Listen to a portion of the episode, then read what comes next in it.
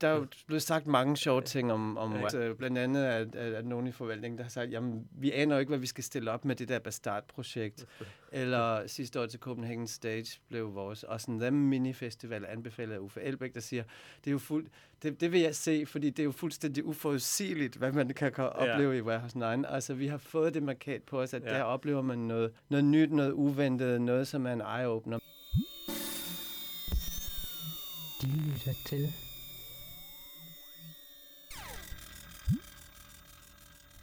Udkantsradio. Et podcast om queer. Og køn.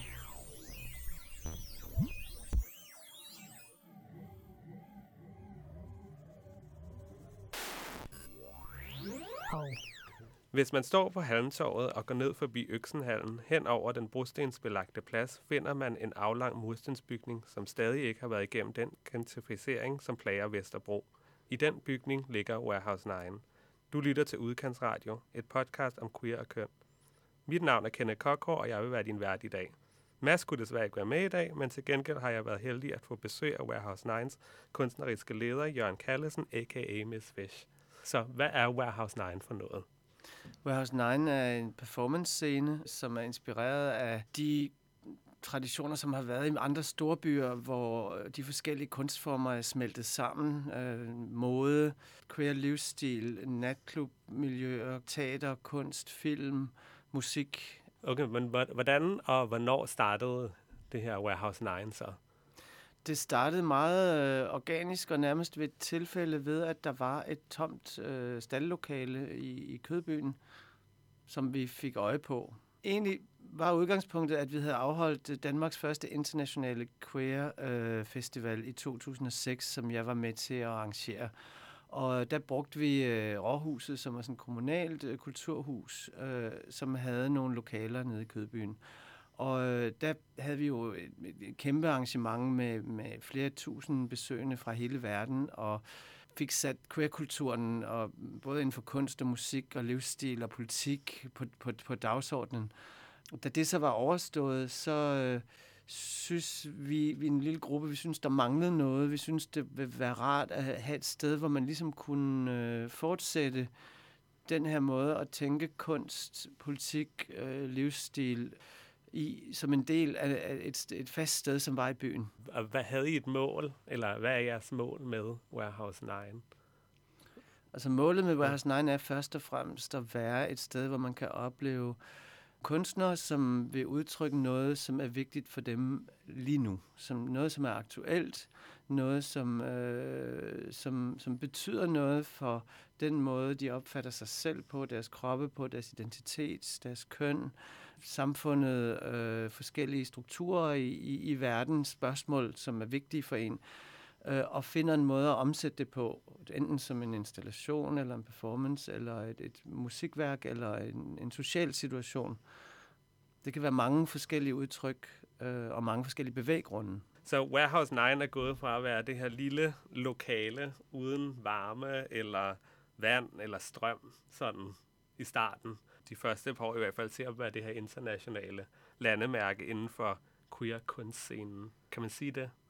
Det kan man godt, men de ting adskiller sådan set ikke hinanden så meget i udlandet. Altså de steder, som vi er meget inspireret af, er startede på samme måde som Warehouse 9. Altså de startede øh, som små spirende steder, som har været en del af et natklubmiljø, eller været en del af en scene, som så pludselig er, har tiltrukket nogle kunstnere, og som så har udviklet et, et miljø omkring det. Og det er bare fordi, når vi er, lever i et lille land som Danmark, så har man meget travlt med at adskille undergrunden fra det mere etablerede, og vores ønske var netop at spejle os i nogle af de steder i udlandet, hvor man har formået at kunne forene de ting. Er der nogle ting, som du vil vælge ud igennem Warehouses historie?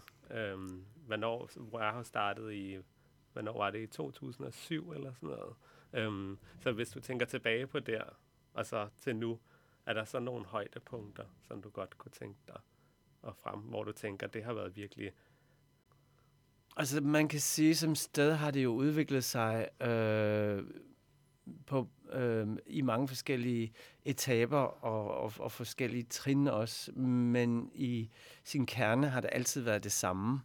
Og det er jeg faktisk lidt stolt af at kunne sige her i 2015, at det er lykkes at holde et sted kørende i næsten 10 år, uden at det er blevet totalt mainstreamet eller øh, har udviklet sig i en retning, hvor, øh, hvor der er blevet sat nogle helt bestemte rammer for, hvordan ting skal være. Vi har kunne holde fast i nogle principper og nogle idéer.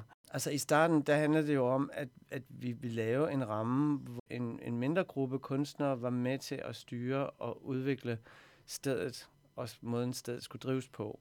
Og det er allerede kontroversielt i forhold til den mere etablerede kunstscene, hvor mm. man har en større administration, og man har en direktion, og man har en kunstnerisk leder, og man har et hierarki. Og, og der ønskede vi så endda en kommunal bygning, fordi vi skulle have en bygning et sted, og indføre sådan en model. Og det lykkedes så i starten, og også fordi vi kørte med meget alternative økonomier, så øh, vi kunne lege det meget billigt, men vi, det var også øh, heller ikke helt, øh, det var jo arrangeret som privatfester, øh, hvor vi selv tog ansvar for vores gæsters ved og vel, så på den måde kunne vi lave det som en lille kunstforening.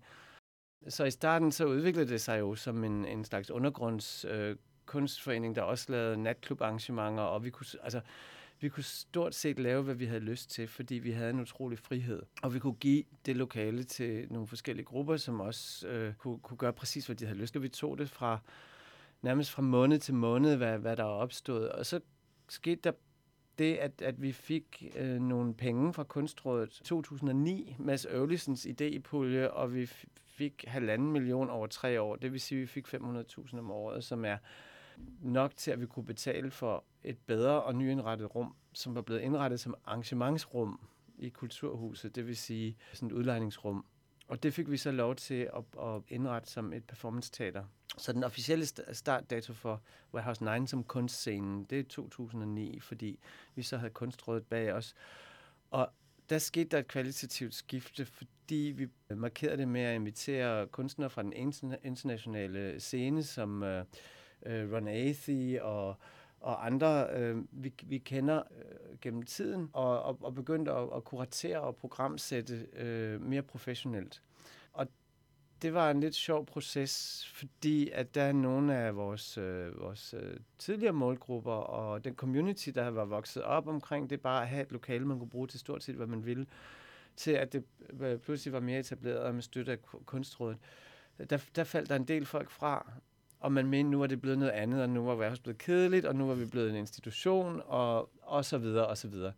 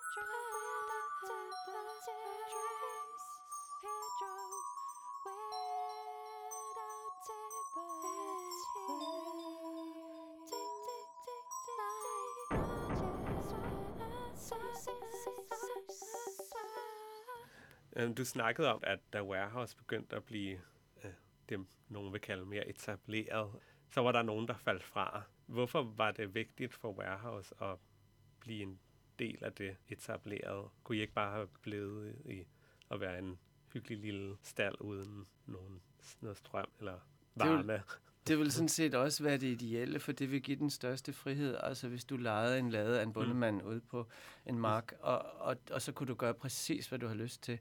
Problemet er, at, at hvis du også inden for, både som kunstner og aktivist, øh, vil være med til at præge den udvikling, der er i samfundet, bliver du også nødt til at gå i clinch med nogle af de institutioner og kulturpolitiske strømninger, og også i forhold til byudvikling. Øh, de, øh, de steder, som udvikler sig, og de offentlige steder, som er tilgængelige i byen. Øh, og, og det har været en bevidst strategi fra starten af, at, at vi har sagt, at den her bygning skal bruges til kunst, og den skal bruges til noget queer. Og øh, det finder vi så en måde at gøre på. Og, og vi har virkelig været heldige i den forstand, at i, i, når vi får besøg fra New York, siger folk til, til os, jamen sådan noget findes ikke i New York mere. Altså det sagde Penny Arcade, som Ja. øh, øh, var en af Andy Warhols superstars tilbage i The Factory Days. Ikke? Altså at byer udvikler sig, og vi har været i stand til at fastholde den ånd. Hvorfor er det så nødvendigt at være en del af det etablerede? Det er det, fordi når man øh, skal, skal fastholde sådan en position i en, i en del af en by, der udvikler sig, så bliver man nødt til at tale med dem, som også definerer byens struktur, og dem, som sidder på magten. Det vil sige, at, at man skal, øh, når man får nogle støttekroner et sted fra, fra kunstrådet eller kommunen, eller hvem det er, så taler man også med nogle embedsmænd, øh, som så hvor man så bliver enige om, jamen den bygning kan bruges til det og det, og det er en måde at manifestere på, jamen den kultur er vigtigt, det, det er vigtigt kulturpolitisk, det er vigtigt for byens liv, øh, vi vil være med til at præge, øh, hvordan byen udvikler sig. Og der bliver man hele tiden nødt til at indgå nogle kompromiser selvfølgelig, men heldigvis er vi ikke øh, blevet, blevet kvalt af det endnu. Hver eneste gang, der er kommet en forhindring, så har vi fundet en måde at, at komme om på den anden side. Og altså en sjov historie er for eksempel, at vi har jo ligget dernede i, i Kødbyen fra starten af, og historien der med Øksenhallen om, at der kom en producer og sagde, at vi skulle flytte vores ting, fordi at de var i gang med en stor messe, øh, og det passede ikke med, med de der vilde billeder, når der var øh, babymesse øh, samtidig med og sådan noget. Ikke? Der er der jo nogle forskellige interesser, og der er rigtig mange aktører i det område, og øh, der har vi så haft sådan en plads bag ved Warehouse, der har været fyldt med narkomaner og øh, skrald, og øh, der er blevet stillet mange container og så videre derom. Den omdøbte vi jo til Tove Hansens plads, for ligesom at sige, at vi vil også gerne have queer øh, byrum. Og det var ment som en kunstaktion, men også nærmest bare som signal til at sige, at der findes ikke særlig mange queer rum i byen. Det har så løbende udviklet sig til, at det viser sig gentagende gange med, at vi har fået påpeget, at der er ikke fundet nogen ordentlig løsning på det med, med fikserum, og der er ikke fundet nogen ordentlig løsning på, hvordan vi deler rummene nede i Kødbyen. Så nu har vi så fået flyttet et hegn, samarbejde med Øksnehallens ledelse, og, på den, og det hegn har betydet, at vi nu har fået doneret en gårdhave til Tove Hansens plads, og Tea Lounge er nu med til at lave en, øh, et, øh, et haveprojekt med rullende haver, sådan, så vi har en, øh, en, en have, der bliver passet og plejet i, i samarbejde med, med Tea Lounge, som er et socialt, kulturelt projekt. Så på den måde, der udvikler det sig hele tiden. Og der er det enormt vigtigt, at vi selvfølgelig får lov til det. Og selv når man søger til alternative miljøer, fordi da vi startede med for eksempel øh, Dunst, som øh, var et kværradikalt kunstprojekt, eller socialt projekt, eller hvad man nu kalder det, Dunst var Dunst, der startede vi jo med at indtage nogle, øh, nogle frirum, som Christiania og Ungdomshus.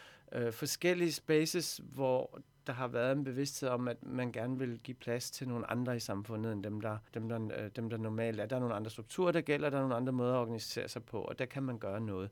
Dunst kunne aldrig have fået lov til at starte på en øh, øh, etableret natklub, for eksempel. Så vi gik ud i nogle alternative miljøer.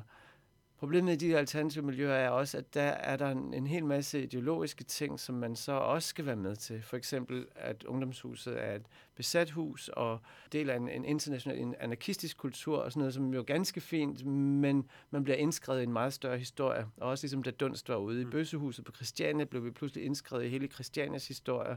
Og vores måde at arbejde på og organisere os på, kunne jo slet ikke hænge sammen med Christianias meget ret traditionelle måde at opfatte bøsseteater på. Så, så der måtte vi også trække os. Og derfor så er det enormt vigtigt, faktisk mm, for Warehouse 9, at vi havde et sted, der var fuldstændig rent for de her ideologiske og æstetiske og øh, kønspolitiske forventninger til, om hvordan man skulle opføre sig og være der. Og det har vist sig, at det kan lade sig gøre i en kommunal bygning, fordi det er det, vi har bedt om lov til.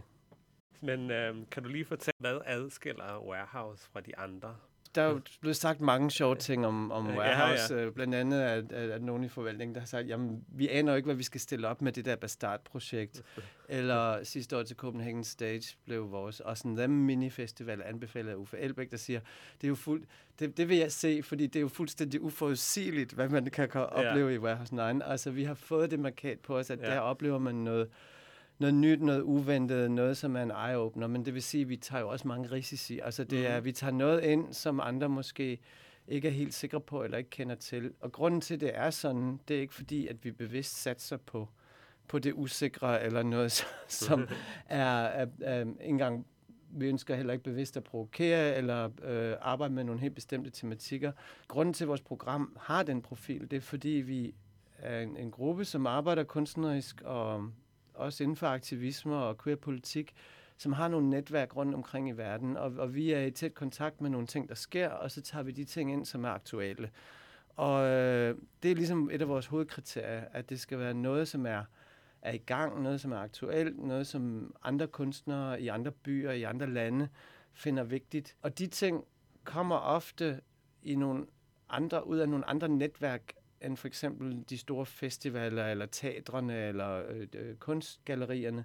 Fordi de har, de har nogle mere etablerede netværk. Så, så, så de steder, vi vælger ud fra, er anderledes. Og det giver os en, en vis styrke, fordi at vi så netop kan, kan komme med noget, som er, er nyt, og vi kan også ofte komme med det flere år før folk bliver kendt og, og, og så videre. Men på den anden side giver det også en vis, en vis skrøbelighed, fordi at nogle gange kan man også misse, og man kan, er kvaliteten nu god nok, hvis vi viser noget, der er i proces. Og vi har fået anbefalet af nogen, for vi har ikke råd til at rejse rundt og se alle forestillingerne, før de kommer. Det er tit på anbefaling eller gennem et netværk. Så der er også chancer involveret. Men det er faktisk det, jeg tror, folk godt kan lide ved Warehouse 9. At man ligesom er, man er med til at tage en chance sammen med andre om at opleve et eller andet, man ikke helt ved, hvad er. Hvad gør dig gladest ved Warehouse 9? Det er, når vi har lavet et arrangement, som for eksempel vores seneste internationale Queer øh, Performance Art Festival, hvor der kommer nogle kunstnere fra udlandet og viser noget, som er virkelig godt og motiveret og inspirerende og tankevækkende, og, og får en til at, at, at, at føle, at man er med i noget, som også stiller spørgsmål ved, ved en selv, øh, er, er med til at, at bidrage noget til, til sådan queer-kunstscenen. Er der nogle udfordringer ved at drive et sted som Warehouse 9? Jo, altså, hvor langt er det her program? Fordi Ja. så, jeg kan jo starte med at, at prioritere dem måske. Ja. Altså, der er jo tusindvis af udfordringer ved øh, at arbejde med bare det at, at ville kalde noget queer-kunst, fordi det i sig selv er en, en, en modsætning. Altså, når man arbejder med et, et queer-begreb, så, så arbejder man jo i udgangspunktet med en kritik, og man arbejder med en kritik af, af, af, af strukturer omkring en magtstruktur, økonomiske strukturer, æstetik, øh, køns, køns øh, øh, struktur osv. Øh, og, og, og det der med så at ville definere noget, som er queer-kunst, er i sig selv problematisk. Og den største udfordring er sådan set at få øh, fundet et leje, hvor vi arbejder på et, et, et niveau, hvor vi synes, det er en rigtig god kvalitet, hvor kunstnerne har nogle rigtig gode forhold og nogle rammer, hvor man kan udfolde sig.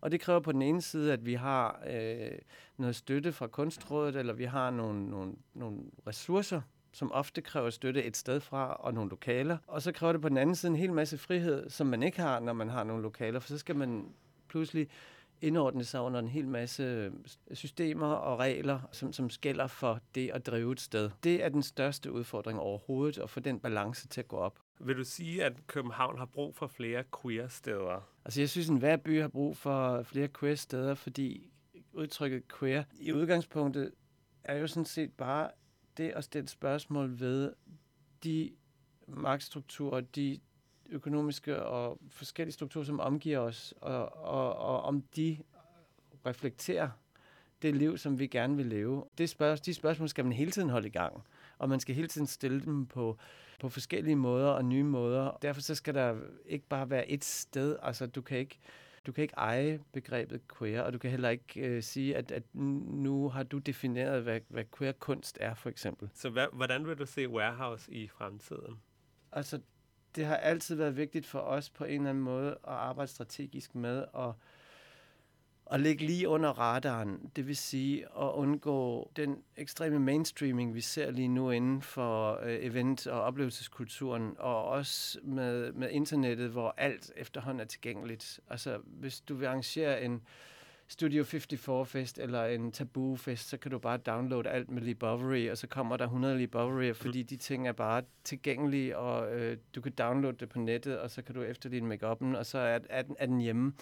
Altså, og det er jo sådan set fint nok, at, at de forskellige, øh, de forskellige traditioner øh, og de forskellige kunstnere i historien, som har betydet noget, altså som for eksempel Lee Bowery, eller som Ron Athey, eller du kan nævne rigtig mange, de har, at man kan finde dem, og folk finder dem også, men det er som om, at det ofte bliver konsumagtigt. Derfor så har det været meget vigtigt for os, i stedet for at vokse store og øh, få større publikummer og, og, og, og, og gøre det mere åbent og mere tilgængeligt for, for mange, så vil vi beholde det til det personlige, det indholdsmæssige og, og, og det nære og til en vis kvalitet. Og det har, det har været strategien helt fra starten af, og det er det fortsat.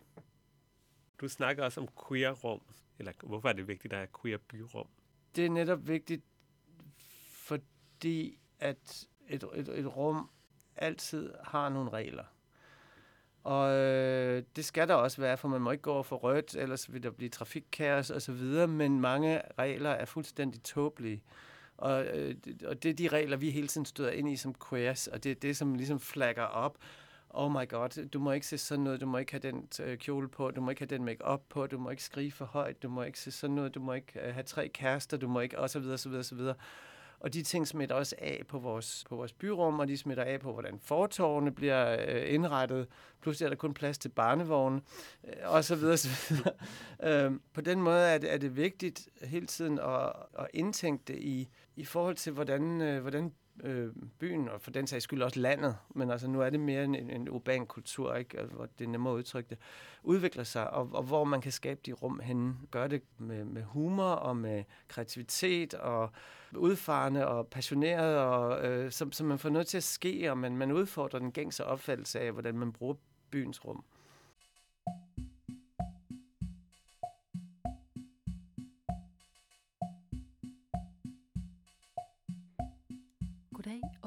Velkommen til Pophjørnet. I dag skal vi høre et udklip af det klassiske queer-feministiske pophit Altid allerede, som jeg er sikker på, at de fleste kan huske tilbage fra 80'erne.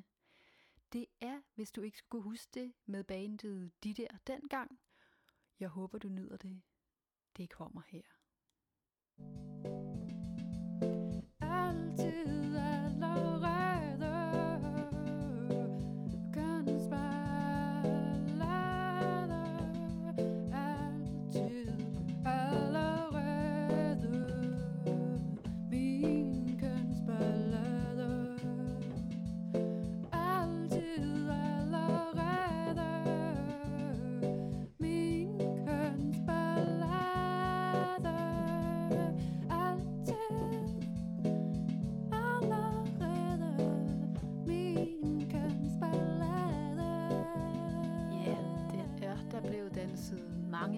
til tilbage i 80'erne.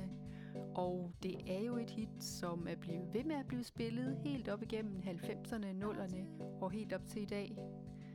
Vi siger tak her fra Pophjørnet og vender tilbage igen næste måned.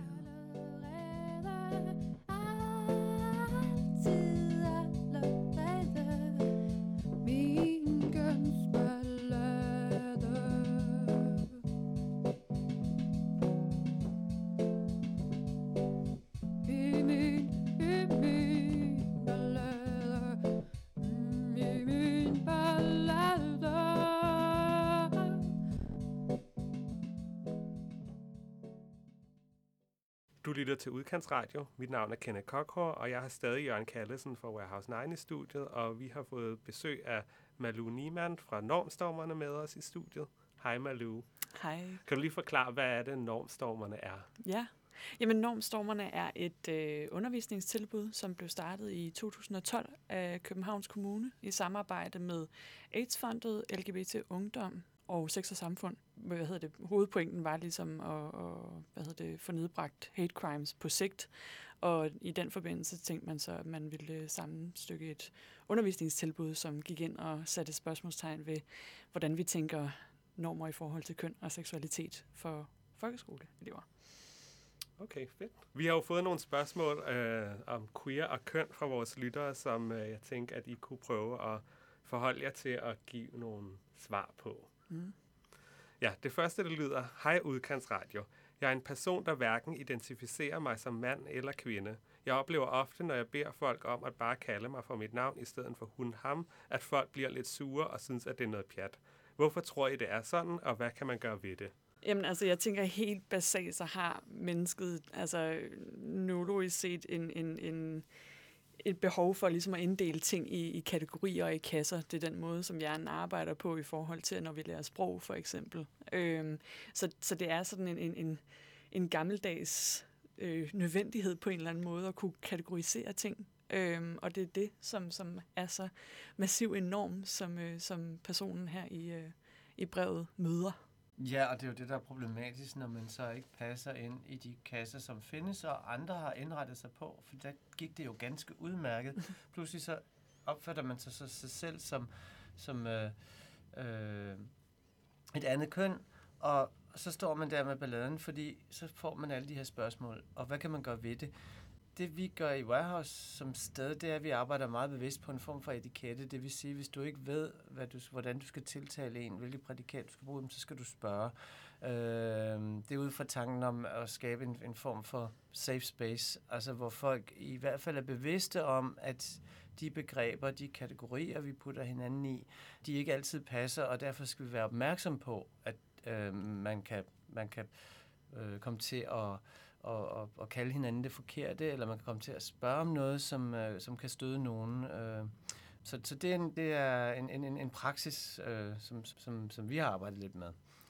Ja, og det gør vi også i normstormerne faktisk helt fra starten i, i vores undervisning. Det er, at vi netop går ind og arbejder med det her med at lave et rum, hvor at det er tilladt at lave fejl, men det er så også helst, så, så vil vi gerne have, at børnene er det jo så i det her tilfælde, Øhm, øh, får nogle redskaber til, hvordan de kan gå til en person, som de ikke nødvendigvis ved, hvordan de skal tiltale. Og også øh, er, er til påskynder i hvert fald, at man også undskylder, hvis man er det, man kommer til at begå en fejl. Ja, jeg ved ikke, hvad person øh, sådan decideret eller konkret kan gøre, men i hvert fald øh, gøre opmærksom på, at, at personen, hvilke pronavn øh, personen har lyst til at blive tiltalt som, for eksempel. Gør det ufarligt ved at tale om det. Ja, og så en opmærksom, eller bevidstheden om, at der er steder, hvor folk er opmærksomme, og ja. øh, uden at det er pædagogisk eller beskyttende, eller at det er bare, det er bare, en, det er bare nogle steder, hvor, hvor man har, har måske gjort sig den øh, omtanke eller udviklet en kultur, sådan så, så det ikke er så besværligt. Mm. Altså, og mere, så er den ikke længere, for det skal nemlig heller ikke være sådan et, et issue, som gør, mm. at, at, at så, er det, så er det det, det handler om, fordi det, man, det, det er man heller ikke interesseret i. Nej. Jeg tænker netop at komme i miljøer, hvor det er kutumen, at, at det er den måde, man, man, altså man tiltaler hinanden med respekt, og man, man har en omgangstone, som, som man kan forligne sig med, når man falder imellem de her to stole, kunne være en positiv, altså sådan empowerment-agtig ting, så man kan, man kan møde ja, ja, normen ja. og hverdagen på en lidt, lidt mere mm. god fod, eller have det godt med det i hvert fald. Det, ja, ja. det er en af de sværeste ting i hvert fald, ja. synes jeg, vi oplever i arbejdet. Ikke? Altså, det er den der berøringsangst med, jamen, hvis der man føler, at, at der er noget her, der måske kunne være lidt af begge dele, så vil man hellere lade være, eller afstå ja, fra at tage man konfrontationen. man vil jo heller ikke altså, støde den Nej, person. netop, netop. Øh, mm, men mm. måske ikke mange, der lige tænker over, at du kan bare sige deres navn. Mm, nej. Det behøver ikke at være han, hun, mand, nej. kvinde. Ja, ja.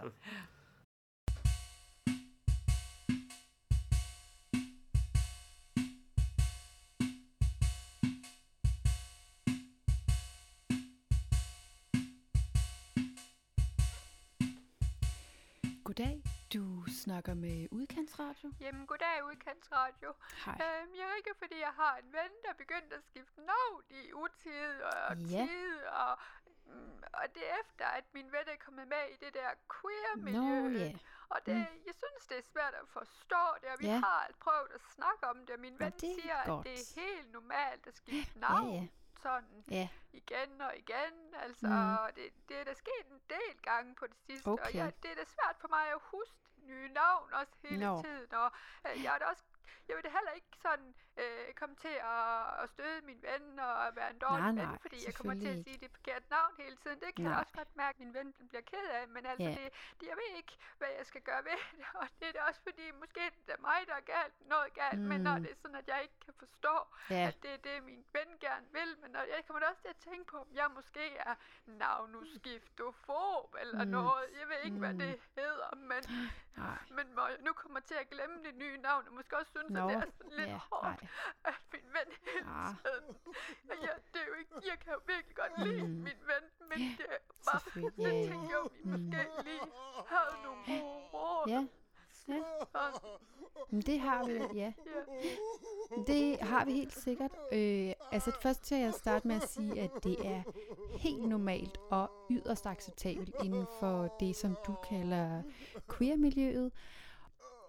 Og jeg synes jo også bare, at du skal se og få lært det nye navn i en hulens fart, hvis du synes, du vil være en ordentlig ven.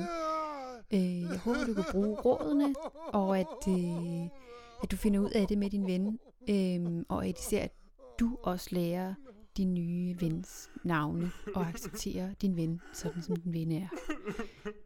Vi siger tak, øh, fra, fordi du ringede fra Udkantsradio. Ha' en god dag.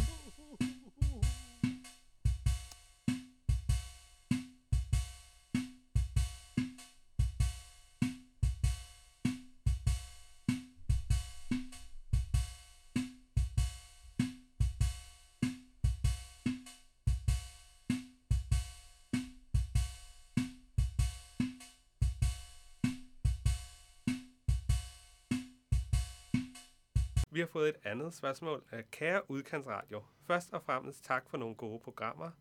Selv tak. Um, jeg tænkte, hvad er det der feminisme egentlig for noget? Og kan man som mand være feminist? Det korte svar eller det lange svar? ah, vi prøver det langt. Ja. Jamen, altså, jeg tænker i hvert fald det korte svar ja, fordi at øh, feminisme er ligestilling. Altså det er at se øh, alle mennesker som lige værd, uanset hvilket køn, om, altså også når vi ser bort fra den primære mand-kvinde. Mm. Altså så, så, så selve ordet har en historisk betydning i og med, at det er feminisme, men, men det er i høj grad et, som, som alle bør kunne tage på sig og bruge om sig selv. Altså det ville da være fantastisk, synes jeg. Helt enig. Mm. Feminisme for mig står også for, at man anerkender, at der er kan være nogle øh, u- uligevægt øh, i forhold til magt eller økonomi eller res, øh, ressourcer eller privilegier, som kan være baseret på baggrund af køn, og det, eller alder eller hvad som helst, men det er det, det, feminismen står for, og det skal man selvfølgelig altid være opmærksom på. Og det er jo lige meget, om man er mand eller kvinde. Fuldstændig. Altså det står jo i høj grad for en, en, en decentralisering og en afmontering af strukturer, magtstrukturer baseret på køn og på race og på social klasse og hvad man ellers er, og seksualitet for den sags skyld. Altså det er, det er helt essentielt, at, øh, at det er for alle. Så ja, feminisme er for alle. Mm-hmm. Hey Udkantsradio. Hvorfor er der flere kvinder end mænd, der interesserer sig for køn? ja. Det er, Er der det? Det tror jeg ikke på. Jeg tror bare, der er flere kvinder, som måske taler om det. Mm. Ja. Eller mænd vil gerne have det til at lyde som om, at der er flere kvinder, der taler om det, for det gør mænd bestemt ikke. Nej. Så jeg tror, det er noget med nogle fordomme, der er skabt af nogen, øh, om at jamen, kvinder og homoer og queers, de taler altid om køn, og rigtige Mm. mænd, de behøver ikke tale om det. Mm. Og, og ja, netop, altså, det er jo totalt en myte jo, fordi altså, øh, mænd, tager vi nu for eksempel, taler jo også om køn, hvis det er, at de netop laver, går ind og laver jokes, der er baseret på køn, som Ja. egentlig er bare blevet en, en måde at, at omgås hinanden kønnene imellem. Ikke? Mm. Altså sådan, så, så de taler jo også om køn, det er bare en anden måde at tale om køn på, altså som, som er ikke konfrontatorisk måske, eller som ikke altså stiller spørgsmålstegn, som bare på en eller anden måde bekræfter tingene, som de har fået, altså den opfattelse af tingene, som de har fået ind med, med modermælken, mm. sjovt nok, jeg lige vil sige. Ikke? så, så alle taler om køn. Øhm, der er selvfølgelig helt klart så, så en, en, en forskel i, hvor man er kommet til, hvis det er, at man begynder at tale om køn. Og der Ja, ja, kunne det jo godt være netop, at, at præcis. kvinder og, og kønslige afviger taler mere om køn, fordi det har været der, hvor de har skilt sig ud. Så, mm. så det er jo ligesom øh, i Ja. forhold til magtstruktur, at, Ja, ja, ja. ja. at det, det er dem, der Ja, ligesom hvad er har talt om udgangspunktet? Altså, jeg, jeg, jeg har et godt job, jeg har magt, jeg Mm. har en, en, en god indtjening. Hvor, hvor, hvorfor skulle jeg øh, tale om det her? Hvorfor Mm. skulle jeg klage over noget? Mm. Øhm, jamen, det er de andre, der taler om det hele tiden. Det er jo klart, fordi at, øh, man får mindre i løn, man bliver behandlet på en anden måde, man skal øh, navigere anderledes i samfundet, og- og så videre, så videre. Selvfølgelig er det sådan, det hænger sammen. Mm, Ja, netop. Altså, if it, if it ain't broken, don't fix it. Ikke? Altså, det er jo lidt ligesom den, den privilegerede position, kan man sige. Øh, Og den privilegerede historisk set har været den hvide heteroseksuelle Ja. ja. cis-mand. Ikke? Og så, så derfor er det jo bare sådan, det er. Som, som det jo så nu også er, er synd for, fordi ja. Ja. alle skyder på den stakkels hvide heteroseksuelle cis-mand. Men øh, det, sådan, sådan er det jo bare. Så må Mm. man jo bare finde et, et, et bedre sted at være. Øh, og, og, og, og skyde igen, eller gøre et eller andet. Ja. Blive feminist. det var måske en, en, en vej frem. Ja. Men tror ikke, at det kan handle om, at der måske er mange sådan, hvad kan man sige, ciskønnede mænd, som har svært ved at, at, at, altså at tale om køn, netop for at blive bange for at blive stemplet som at være homoseksuel, for eksempel, eller sådan noget, at hvis de begyndte at tænke, ej, det der køn, det er egentlig spændende, at, at der er nogen, der måske har svært ved at Mm. indrømme, at de synes, at det er spændende at tale med deres Ja. andre Jo, venner om. og, Øh, og det er jo det, der er så interessant, fordi bare selv den regning, hvis hvad man laver den regning der, så den i sig selv skulle netop give en mere lidt sådan eftertanke for sådan, ej, så skal jeg da i hvert fald snakke om køn og blive Ja. feminist et eller andet sted. Fordi hvis jeg kan komme til den konklusion, at jeg er bange for at blive stemplet som homoseksuel af at tale om køn, mhm. så er det jo netop, fordi der er noget at snakke om. Ja. Ikke? Altså, så det bliver jo sådan en, Ja, en, ja. en, en ting, der bekræfter sig selv, men, men frygten for at blive stemplet som værende anderledes end det, det, det ideelle maskuline ideal, øh, altså den er så stærk, at, at det fraholder mange fra at, at tage kampen op, også på egne vegne, hvilket jo er virkelig sørgeligt. Ikke? Ja. Altså man kan jo sige, rent historisk har det ændret sig rigtig meget, også med de lovgivninger, vi har, og også den øh, med internettet og hele, hele, hele den, den øh, sådan, øh, også populærkultur, som omgiver os, altså hvor vi, vi hele tiden bliver bombarderet med, at alt er muligt, og alt, øh, øh, der, der findes transkønnet, og der findes intersex, og der findes alle de her former, men jeg tror, i, i folks hverdag og i folks sådan krybdyrhjerne, eller hvad skal man sige, der ligger der stadig sådan et eller andet øh, mand-kvindesyn fra 50'erne og spørger med, at jamen, mænd er sådan, og kvinder er sådan, og så er der nogle undtagelser. Mm. Og øh, det- er stadig det, vi øh, på en eller anden måde øh, forholder os, skal forholde os til. Mm. Øh, I høj grad. I høj grad. Og også inden for miljøerne, fordi der netop også så baseret på opgøret med de her to binære, eller det binære system, så ligesom optræder sin egen, sin egen palet af stereotyper, og hvis man så lige pludselig heller ikke føler, at man passer ind i den, Mm. så altså det, det, det kommer til at få sådan en mærkelig vekselvirkning nogle gange også, hvor man sådan selv finder sig selv til at stå uden for et system, man egentlig troede, man passede ind i, fordi man stod uden for det andet. Eller sådan. Altså det, Ja, ja. det er meget mærkeligt. Altså Ja, det er virkelig Ja, ja, mystisk. det kan jeg da huske sådan en af de ja. Ja. første gange, jeg var på Pan i sin tid. Mm. Dengang der var noget, der hed Pan. Ja. Øh, hvor man kom derind og tænker, ej yes, nu er jeg her blandt mine egne. Og så kom man derind og tænker, fuck, jeg er endnu mindre til fælles med alle de her folk herinde, og de forstår mig endnu mindre end alle dem, der er ude i Højtrådstrup. Ja, ja. ja. Jeg havde fuldstændig samme Ja. oplevelse, hvor jeg var til den allerførste gang, jeg var på homoklub, det var så Ja. også Pan i Aarhus. Ja. Og det var så det allerførste arrangement, jeg kommer til, det er så også en, en kvindefest i situationstegn, ikke? Og kommer ind, og så netop sådan, har bare lyst til at gå igen. Ja. Altså, så det var, Mm. det var en meget speciel oplevelse. Ja. Ja.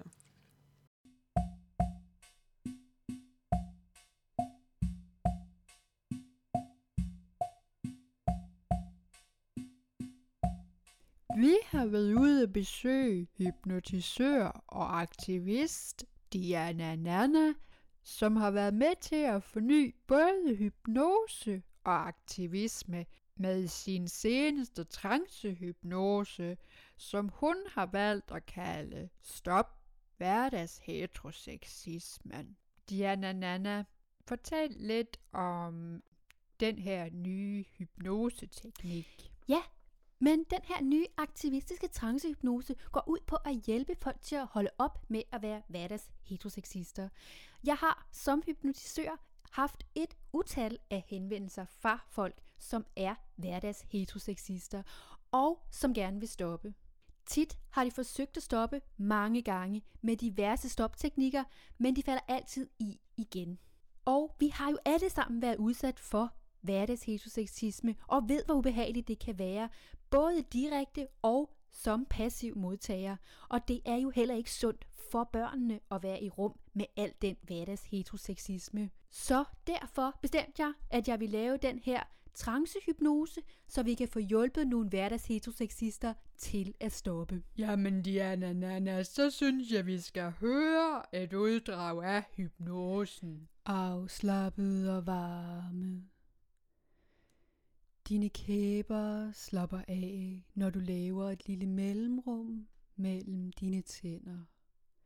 Og din ellers så skarpe tunge føles nu blid og blød, som om den ligger i en lille varm puppe. Du synker dybere ind i en tilstand af trance. Giv helt slip og vær tryg. Dybere og dybere. Stadig dybere og dybere. Men lige så dybt usympatisk som du er nu, lige så dyb er din tilstand af trance. Når jeg tæller til tre, falder du ned i en hypnose, som er dobbelt så dyb. En, to, tre. Hernede foregår forandringen nemt, og du er parat til at tage fuldstændigt åbent imod alt, hvad jeg siger. Og mine ord bliver sandhed i din underbevidsthed. Du holder op. Du holder op med at være et hverdags heteroseksistisk svin. Hvis du nogensinde bare får tanken om noget, som nærmer sig hverdagsheteroseksisme, så bliver du svimmel og føler folk brækker sig ned i dit halsrør. Hvis du på anden vis opfører eller udstråler noget hverdagsheteroseksistisk med dit kropssprog, så føler du straks, folk slår dig, og at de spider dig med spyd, som kommer ud af deres øjne. Du føler, at dine negle bliver rykket ud ved roden med rustne knivtænger. Hvis du åbner munden fra nu af med et eneste hverdags heteroseksistisk ord, din hals snører sig sammen, og du føler, at dine læber vokser sammen. Helt sammen. Til en læbe, så du aldrig mere kommer til at kunne åbne den igen, og aldrig mere kan sige et eneste ord. Når jeg tæller til tre, vågner du igen op til verden. Du vågner op til forandringen, som vil være ved, være fuldbyrdet implementeret, og du vil være helt vågen igen. En, to, tre.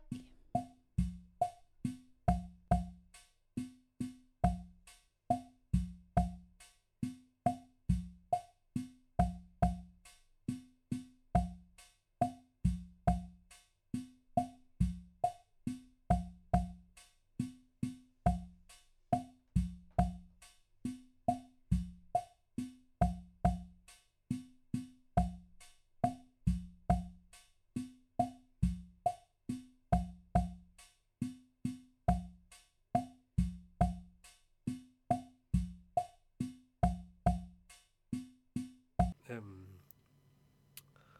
Ja, øh, der er en her. Hej, udkantsradio. Øh, skal man være homoseksuel for at kunne bruge betegnelsen queer? Øh, det spørgsmål har vi faktisk fået flere gange i Warehouse 9, også fra kunstnere, om at jamen, jeg er jo en, en almindelig blond pige fra Jylland, som øh, har sex med mænd, må jeg også godt være her. Og vi siger, jamen det handler ikke om, hvem du har sex med, eller hvordan øh, din krop biologisk set er skruet sammen. Det handler om, hvordan du tænker om dig selv og om verden og om andre. Øh, og øh, derfor så er øh, queer overhovedet ikke noget biologisk øh, begreb. Det er et begreb, som øh, gør, at man kan øh, i talsæt øh, nogle øh, ting i verden, som man stiller spørgsmål ved. For eksempel, hvorfor ser køn ud, som det er? Hvorfor er der nogle magtforhold, som er der? Hvorfor er noget smukt og noget ikke smukt? Og, øh, øh, og, og så videre. Så det, det, det kan alle gøre. Mm. Ja, jeg er også enig. Øhm, jeg, jeg føler, at jeg kender en del mennesker, som aldrig vil betegne sig selv som, som hverken homo eller biseksuel for den sags skyld, øhm, eller noget sted på spektret, men, men jeg vil sige, at, at de har nogle netop queer anskuelser af, Mm. af både liv og forhold på, og dem selv, altså øh, helt altså af deres egen person også.